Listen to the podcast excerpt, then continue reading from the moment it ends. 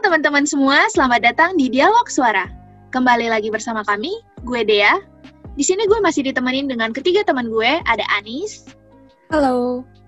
Ada Gevira. Hai. Dan juga Nicholas. Halo. Masih membahas topik-topik mengenai kesehatan mental, pada episode terakhir ini, kami menyajikan topik tentang bahaya efek body shaming pada mental health kita. Karena topik kita kali ini sebenarnya udah nggak asing nih, mungkin teman-teman juga udah ngerti apa itu body shaming ya. Tapi mau jelasin sedikit deh, body shaming secara definisi adalah tindakan di mana seorang mengolok-olok untuk tubuh orang lain, baik dengan tujuan bercanda atau benar-benar menghina. Body shaming termasuk dalam pembulian verbal atau pembulian melalui kata-kata, Penyebabnya sendiri adalah standar kecantikan atau penampilan seseorang yang harus sempurna dan meniru-niru budaya asing yang tentunya memiliki ras yang berbeda-beda satu sama lain. Tentunya body shaming memiliki berbagai dampak buruk bagi orang yang mengalaminya. Banyak alasan yang orang gunakan untuk netralin perilaku body shaming. Kayak sering kali perkataan-perkataan menyakitkan itu disebut cuma bercanda. Dan yang pastinya hal tersebut gak benar sama sekali. Karena perilaku yang dibilang bercanda ini bisa membahayakan orang yang menerimanya, baik secara fisik maupun psikologis. Kita mau sebutin nih beberapa dampak akibat dari body shaming. Yang pertama, bisa nurunin rasa percaya diri korban yang itu pasti. Korban body shaming rentan ngalamin rasa rendah diri dan marah kepada dirinya sendiri. Kayak mereka seolah terdoktrinasi sama perkataan orang lain, jadi cenderung selalu melihat bentuk fisiknya dari sisi yang negatif. Nah, yang kedua nih, dan yang paling bahaya adalah dapat meningkatkan resiko suicide. Kayak yang udah disebutin sebelumnya, korban jadi jauh lebih mudah ngalamin masalah psikologi seperti depresi. Depresi yang ditimbulkan ini tentu berkaitan, karena depresi merupakan salah satu penyebab atau faktor utama seseorang memiliki suicidal thoughts. Oke, okay, uh, gue juga mau bahas nih. The, ada salah satu tweet yang kemarin lumayan kontroversial. Tweetnya ini datang dari seorang public figure yang sebenarnya nggak bisa banget dibilang public figure karena nggak baik jadi uh, namanya Revina Vite. Dia body shaming salah satu stranger yang dia temuin di tempat gym dan dia bilang kalau punggungnya nggak mulus, terus bokongnya yang hitam dan hal-hal kayak gitu buat Revina ini jadi kena polusi visual gitu. Responnya netizen pasti semuanya kontra ke Revina, tapi Revina sendiri pun defense dirinya kalau dia itu nggak salah dia cuma beropini. Tapi opininya ini tuh kayak sampah gitu. Ya gue udah lihat juga tuh di TikTok. Dan ya menurut gue terlalu ofensif banget sih untuk dibawa ke ranah publik.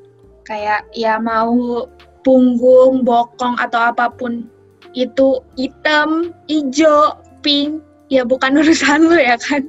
Dan dengan cara dia mengatakan itu polusi visual I don't think polusi visual is such a real things gitu loh. Kayak aneh aja gitu. Ada kamus polusi visual gitu. Yang ada orang orang-orang nggak nyaman untuk membawakan dirinya sendiri ke depan umum gitu loh. Iya bener iya, banget sih. bang. apalagi gimana ya? Di saat lo bahkan lo ngerti nggak sih tadi yang dia bilang bokongnya hitam, punggungnya gak, gak mulus segala macem. Itu tuh pigmen dari dirinya sendiri loh. Gak semua orang pigmennya sama, gak semua orang kulitnya yes. putih, mulus sama lo. Di saat lo gak punya knowledge tentang tubuh manusia, tentang bagaimana seseorang itu bisa punya kulit yang hitam dan gelap, lo mending diem gitu. Kayak, Bener banget. Kayak gimana ya? Better shout your mouth daripada lo tuh aduh komen tentang badan orang lain yang gimana itu tuh normal itu tuh nggak salah itu tuh bukan ya gue setuju banget ya betul betul itu betul. tuh normal itu tuh normal ya. gitu. apa pun yang namanya dikepit atau dijepit itu tuh wajar untuk ya. uh, lebih gelap gitu loh kayak tolong Mbak Revina boleh tolong coba cari dulu deh pengetahuan kenapa kenapa ya badan manusia di bagian lipatan bisa hitam kenapa ya punggung itu bisa nggak hmm. mulus faktor apa gitu lo nggak akan tahu apa yang terjadi sama parah banget nih kayaknya lo omongin iya gitu loh ini menurut gue cukup iya. kontroversial ya karena pada saat itu pun bahkan Marion Jola yes. pun sempat bicara iya nggak sih Yes. Iya betul. Ya gitu loh. Lumayan lama juga dibahas di publik ya, bener banget sih. Iya gitu. Mana woman super woman-nya gitu. Itu kan jadi emosi yang ngomongnya. Tapi sebenarnya yang paling lucu itu karena ternyata Revina Vita ini suka bikin speech uh, ke publik tentang body positivity. Bahas-bahas tentang mental health di highlight yes, dia yeah, atau yeah. bahkan di snapgram dia. Bener, Tapi kan? dia sendiri pun malah kebalikannya gitu. Bahkan gue malah mengenal sosok Revina ini dia seorang public figure karena itu dia sering membahas tentang mental health tentang body positivity tentang itu. Dia tuh awalnya ini kan uh, sosial media dia tuh menyajikan tentang mental health gitu. Tapi wow ternyata gitu loh. Oke sekarang kita akan cerita nih dari teman-teman kita yang udah cerita di question box masing-masing dari Instagram kita masing-masing. Kita akan cerita salah satu dari mereka yang menurut kita menarik untuk dibahas. Mungkin kita bisa mulai dari Gevira ya.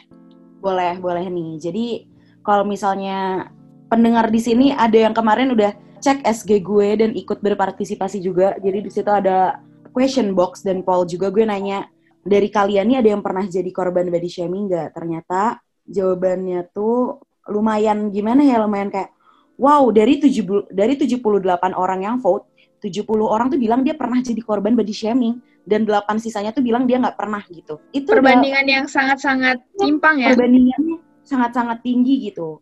Nah, terus yang respon di question box gue, gue nanya nih, uh, efek mental apa sih yang kalian rasain sebagai korban body shaming gitu dan gue kagetnya apa banyak yang respon dan ceritanya tuh bikin terenyuh semua gitu kalau gue boleh sat, uh, cerita nih tentang satu orang di sini okay. gue nggak akan sebut namanya karena uh, mungkin disclaimer dulu kali ya bahkan di antara gue Dea Anis pun uh, dan Niko kita nggak pernah menyebutkan nama siapa gitu loh ini orangnya kita yes. mungkin emang sembunyiin identitas orang yang curhat ini karena takutnya merasa nggak nyaman dan takutnya kurang etis aja gitu untuk disebarluaskan ke kalian semua pendengar yang bisa kapan aja akses dialog suara. Jadi, jadi all personal information safe ya. Iya, safe banget. Nah, jadi gue punya kakak kelas lah gitu. Gue nggak akan sebut di SMA atau di kuliah. Tapi kalau lo ngelihat dia sekilas gitu ya, lo sebagai orang awam ngelihat dia, lo nggak akan mungkin pernah expect kalau dia tuh korban body shaming. Dia badannya ideal iya, tinggi iya, cantik banget iya, terus pinter. Terus dia juga a leader dia tuh punya uh, apa dia tuh sosok leader yang emang udah banyak mandu orang. Tapi dia ternyata cerita dia tuh benci banget dengan bagaimana dia memiliki tampilan dirinya dan dia nggak pernah merasa percaya diri. Sampai akhirnya karena dia sempat jadi korban body shaming dia sampai kena body dysmorphia.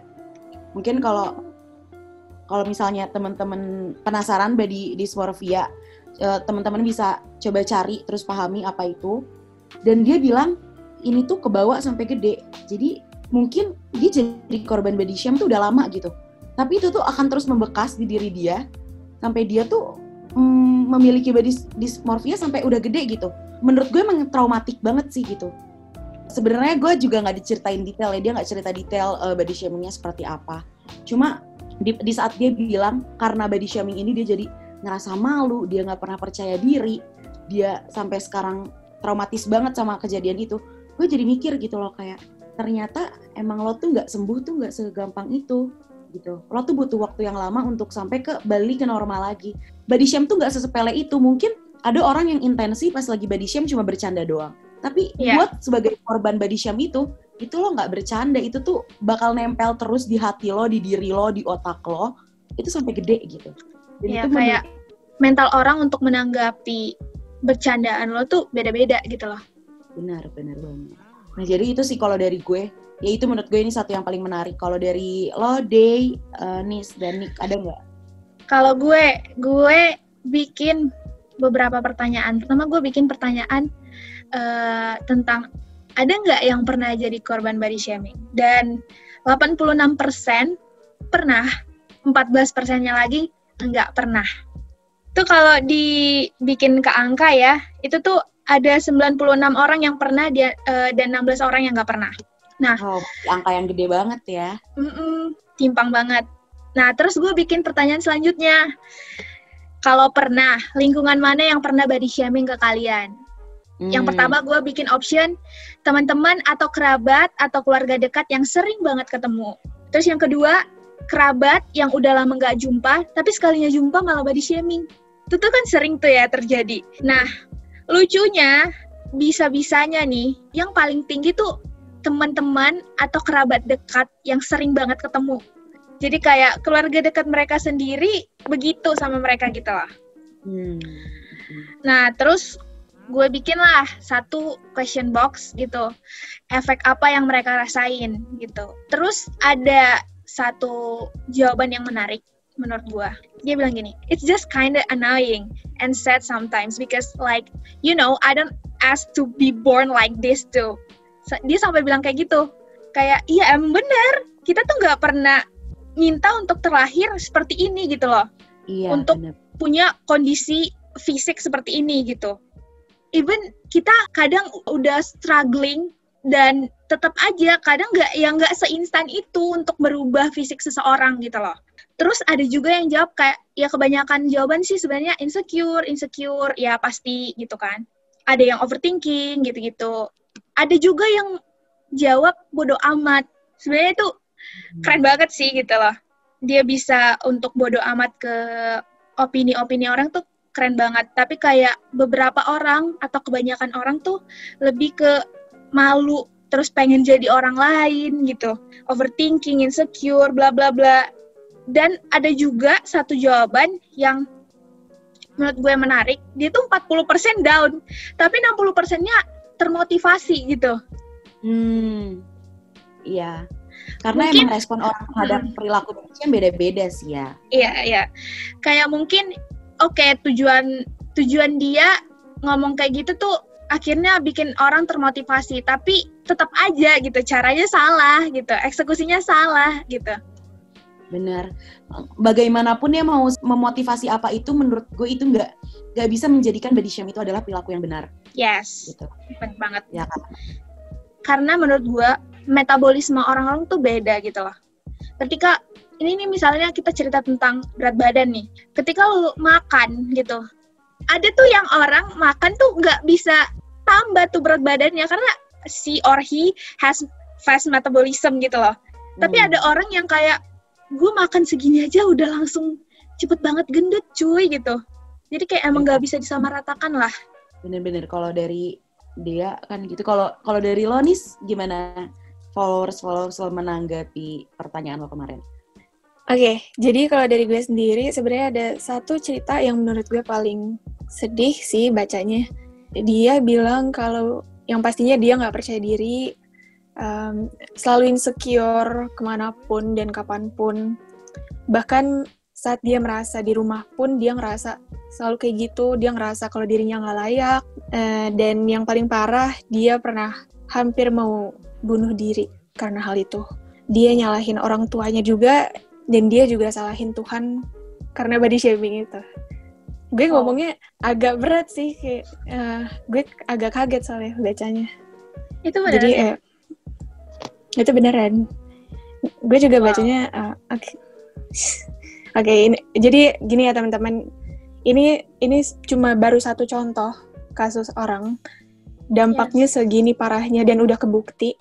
Jadi ya udah kalian udah udah besar lah ya. Jadi udah tahu kalau body shaming itu udah nggak bener deh. Ini baru satu contoh kecil aja ini. Dari yang lu bercanda hanya niat bercanda tuh bisa sebesar itu dampaknya. Gila banget sih. Iya ya kayak lo tau lah ba banyak banget hal-hal di dunia yang bisa lo jadiin bercandaan gitu penampilan badan orang tuh bukan hal yang bisa lo bercandain gitu gue pun tadi pas denger Anis cerita lumayan kayak wah gila ya ternyata efek samping dari uh, body shaming ini bisa sebesar itu gitu loh. Ya gue aja kaget coy. Iya kan? Kayak hal-hal kayak gitu tuh di, untuk dijadiin bahasa basi tuh basi banget. Iya. Gue seneng sih kalau seandainya lo yang cerita ini di question box gue gue seneng lo bisa cerita udah masih juga masih bisa bertahan sampai di sini tuh gue gue seneng banget sih. Yes makasih. yes I hope you're doing so good hari ini betul mbak gue pengen banget berterima kasih cuma kayak gue makasih banget lo masih hidup gitu hal kecil yes, yang yes. harus gue syukuri karena lo bisa survive nggak nggak nggak semua orang bisa survive gara-gara hal ini yeah. gitu. bener banget keren banget sih keren banget gue speechless sih keren oke okay, kalau dari teman-teman di sini dia Gevira Niko menurut kalian sebahaya apa sih body shaming terhadap kondisi mental?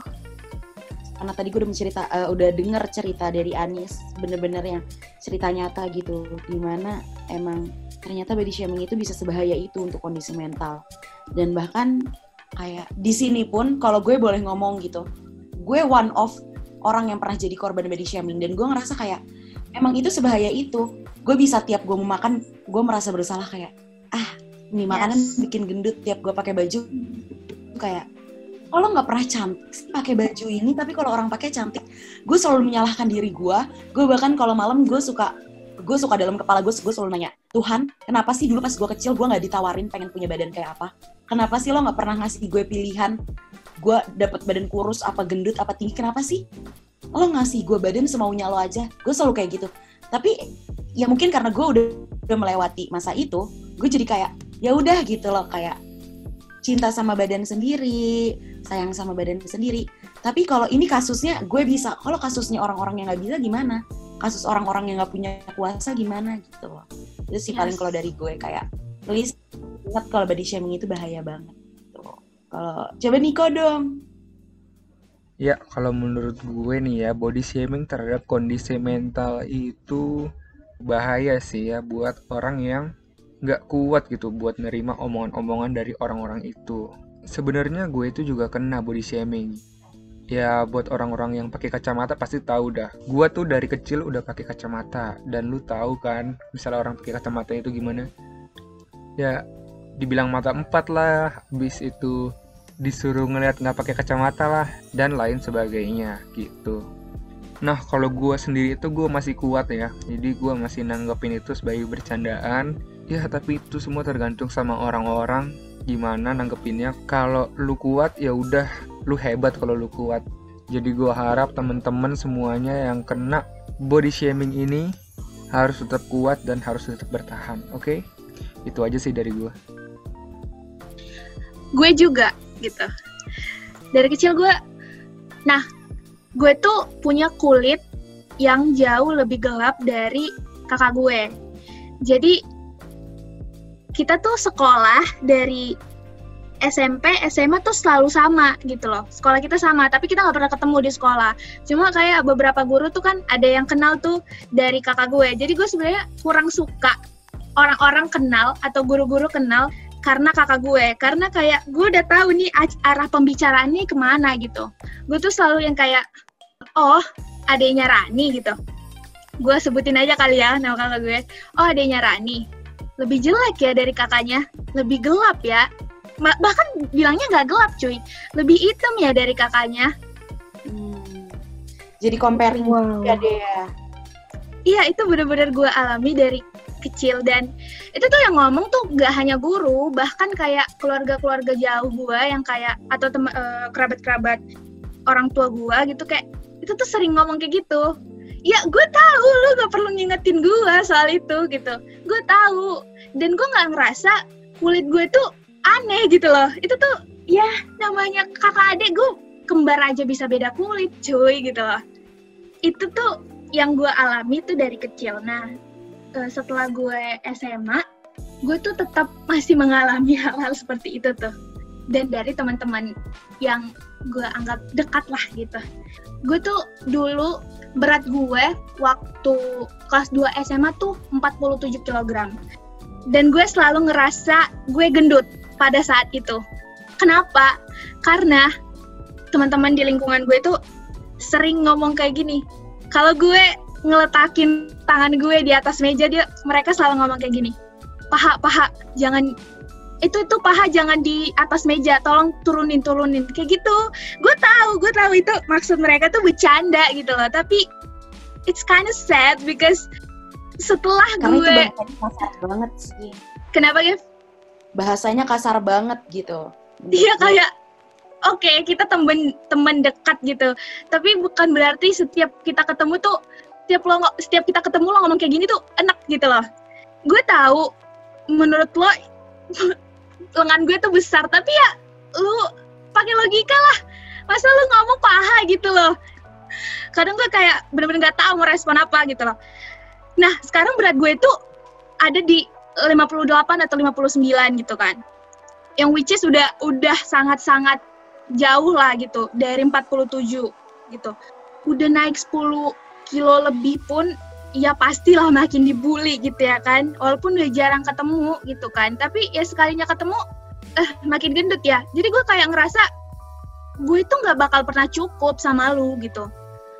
Karena dari gue yang sekarang gue ngerasa 47 tuh ternyata gue masih kurus cuy masih ya masih langsing lah gitu kenapa dulu gue sedih banget ya dibilangin kayak gini tapi ya karena pengaruh dari perkataan mereka gue ngerasa kayak gue nggak pernah cukup gitu loh. Mau gue beratnya berapa pun gue nggak pernah cukup.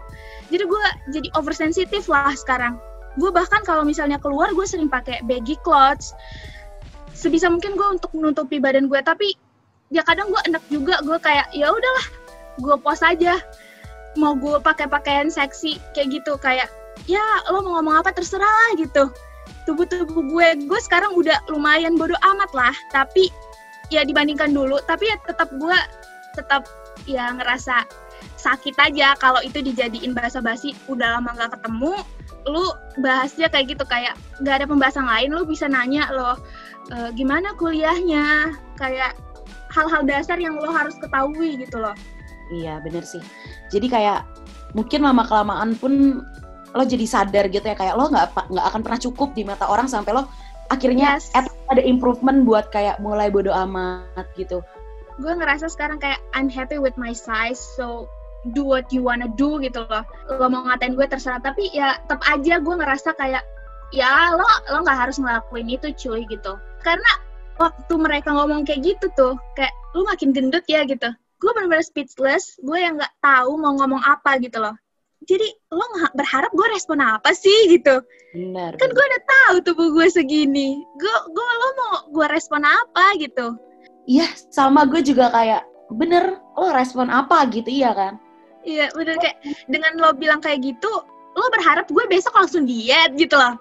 Karena ini pun kayak ini ya jadi salah satu di saat lo coba defend yourself lo ngomong kayak uh, lo berharap apa sih dengan ngomong kayak gitu? Uh, pasti mereka uh, jawabnya kayak ya elah gue tuh pengen motivasi lo, ya elah gue yes. berbicara ya elah gue tuh pengen lo bisa lebih baik lagi dari jadi diri lo itu tuh sebuah apa ya pembelaan yang wah nggak banget yang klise banget cuy even kalau gue mau diet pun gue nggak bakal ngelakuin itu karena opini lo cuy benar badan badan lo kan your body your yes. choice gitu nah itu sih. Kita di sini pun contohnya dari kelompok kecil kita berempat pun kayak ada dua dua dari dua gitulah bahasanya kayak yang jadi korban body shaming.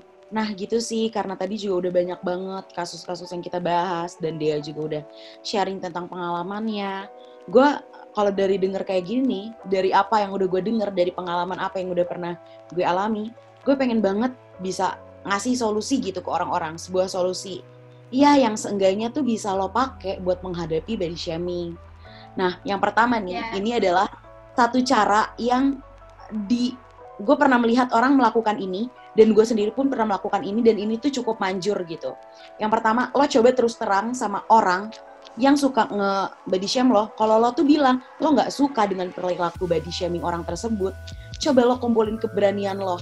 Walaupun emang susah tapi pelan-pelan lo coba kayak lo pikirin deh, lo tuh mau sampai kapan? Diem aja kalau di body shame. Lo coba kumpulin keberanian lo, lo coba buat bela diri lo dan lo bilang gitu kayak body shame tuh gak lucu. Body shame tuh bukan bercandaan. Yes. Ber atau lo langsung aja lo sinisin kalau misalnya dia bilang kayak ah baper lo gue cuma bercanda kali. Lo bilang bercandaan lo nggak lucu. Langsung aja gitu. Lo harus bisa straightforward ngomong apa yang emang lo gak suka. Karena gimana ini karena bukan pengalaman pribadi doang gue doang loh. Gue ngelihat di saat orang berani ngomong di saat orang bisa stand uh, for themselves dia tuh akan bawa perubahan ke diri dia gitu. Dan gue pun ini nggak ke satu orang doang ya. Ke gila kalau mau dihitung dari gue SD mah banyak banget kali yang body shame gue. Di saat gue ngomong kayak gue nggak suka sama bercandaan lo bercandaan lo nggak lucu gitu. Mereka akan ya udah mungkin awal awalnya mereka ngerasa malu terus denial kayak ya elah baper lo. Tapi lama-lama mereka akan mikir kok gitu. Mereka akan mikir bahwa wah ternyata selama ini bercandaan gue nyakitin temen gue nih kayak gitu. Nah terus yang kedua kalau misalnya emang temen lo si so asik ini nih yang kalau misalnya bahasa basi suka nanya kalau makin gendutan sih segala macam lo langsung aja kasih pemahaman gitu. Zaman sekarang tuh udah bukan zamannya body shaming tapi beda tapi udah zamannya body positif uh, positivity gitu. Lo bilang kayak lo tau gak sih sekarang tuh udah gak zaman banget body shaming gitu. Lo instead of lo body shaming orang instead of lo basa-basi ngomongin bentuk badan orang lo mendingan muji gitu kayak eh lo sekarang lebih sehat ya. Eh lo sekarang kelihatannya uh, lebih bahagia ya. Apa kayak apa pun itu yang emang arahnya ke positivity gitu bukan ke body shaming. Nah yang ketiga kalau misalnya lo bukan korban body shame gitu tapi lo ngerti kalau body shame itu adalah hal yang bahaya dan lo tahu nih orang di sekeliling lo ada yang kena body shame lo bisa jadi orang loh yang stand untuk teman-teman lo ini.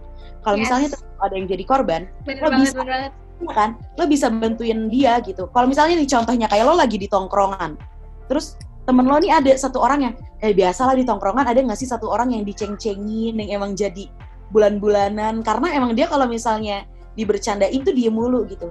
Lo coba deh uh, belain dia kayak lo tahu nggak sih bercandaan lo kayak gitu tuh nggak lucu? Lo bilang kayak lo coba aja belain temen lo walaupun temen lo diem doang gitu walaupun temen lo nggak pernah bilang dia merasa rugi dengan body shame. Tapi lo bisa membawa perubahan ke circle lo lo bisa bawa perubahan ke tongkrongan lo. Gue pun kalau misal ngomongin pribadi lagi nih wah gila dulu karena circle gue. Jadi gue punya circle tetangga gitu isinya tuh eh, uh, 10 orang cowok sisanya empat orang cewek. Aduh kalau cowok udah bercanda kan bukannya seksis ya tapi di saat di satu tongkrongan cowok tuh kalau misalnya udah bercanda wah apa aja nih diomongin nih lebih nggak mindful lah dalam berkata-kata. Wah mereka kalau ngomongin badan gue langsung aja abis-abisan. Badan gue kayak kasur king coil lah badan gue kayak motor lah segala macam gue kasih gue kasih pengertian gue bilang bercandaan lo nggak lucu. Kalau lo emang masih mau bercanda kayak gini ya udah terserah tapi gue nggak bisa main lagi sama lo karena gue akan terlalu tersinggung dengan candaan lo tapi lama-lama mereka nyadar gitu. Itu tuh suatu apa ya itu act kecil omongan kecil yang bisa banget bawa perubahan. Jadi gue harap buat teman-teman hmm. yang dengar ini buat Anis, Dea, dan Niko kalau misalnya emang satu saat atau kalian emang lagi ada di fase di mana temen lo ada yang lagi ngalamin body shaming atau bahkan diri lo ngalamin body shaming gue pengennya lo tuh bisa bawa perubahan gitu. Jangan kita normalisasi body shaming. Jangan kita banget. menganggap Betul. body shaming hal yang udah biasa gitu sih kalau dari gue. Mungkin ada lagi yang mau diomongin dari Anis Dea kali ya? Ya gue setuju sih sama apa yang lu bilang karena kayak gue pun yang ngebully gue rata-rata tuh emang cowok gitu loh yang kayak menurut gue aneh banget sih gitu lah. Jadinya kayak apa pun apa pun tanggapan orang terhadap tubuh gue bahkan kalau dia ngomongnya sopan gue jadi oversensitif cuy. Hmm iya. Karena udah kebiasa denger itu lewat di kuping lo bahasan tentang badan yes. udah udah sering banget gitu lah ya Iya, jadi gue kayak langsung nanya, eh gue langsung kayak berpikir kayak intensi lu apa ya ngomong kayak gini gitu. Padahal dia ngomongnya sopan gitu loh. Iya sih bener itu jadi, ya buat jadi sensitif banget sih bener itu itu ngaruh banget gitu. Nah iya teman-teman, uh, kita harus bisa belajar ngomong enggak dan kita nggak boleh normalisasi body shaming di lingkungan kita sendiri. Jadi uh, semoga apa yang kita bahas hari ini nih bisa bermanfaat buat kalian, Jauhi juga perilaku body shaming dan pahami bahaya-bahaya body shaming bagi kesehatan mental. Solusi yang tadi udah disampaikan juga bisa nih diterapin di diri kalian masing-masing. Jangan sampai korban body shaming semakin meningkat. Oke, akhir kata kita mau bilang stay healthy and happy guys. Bye.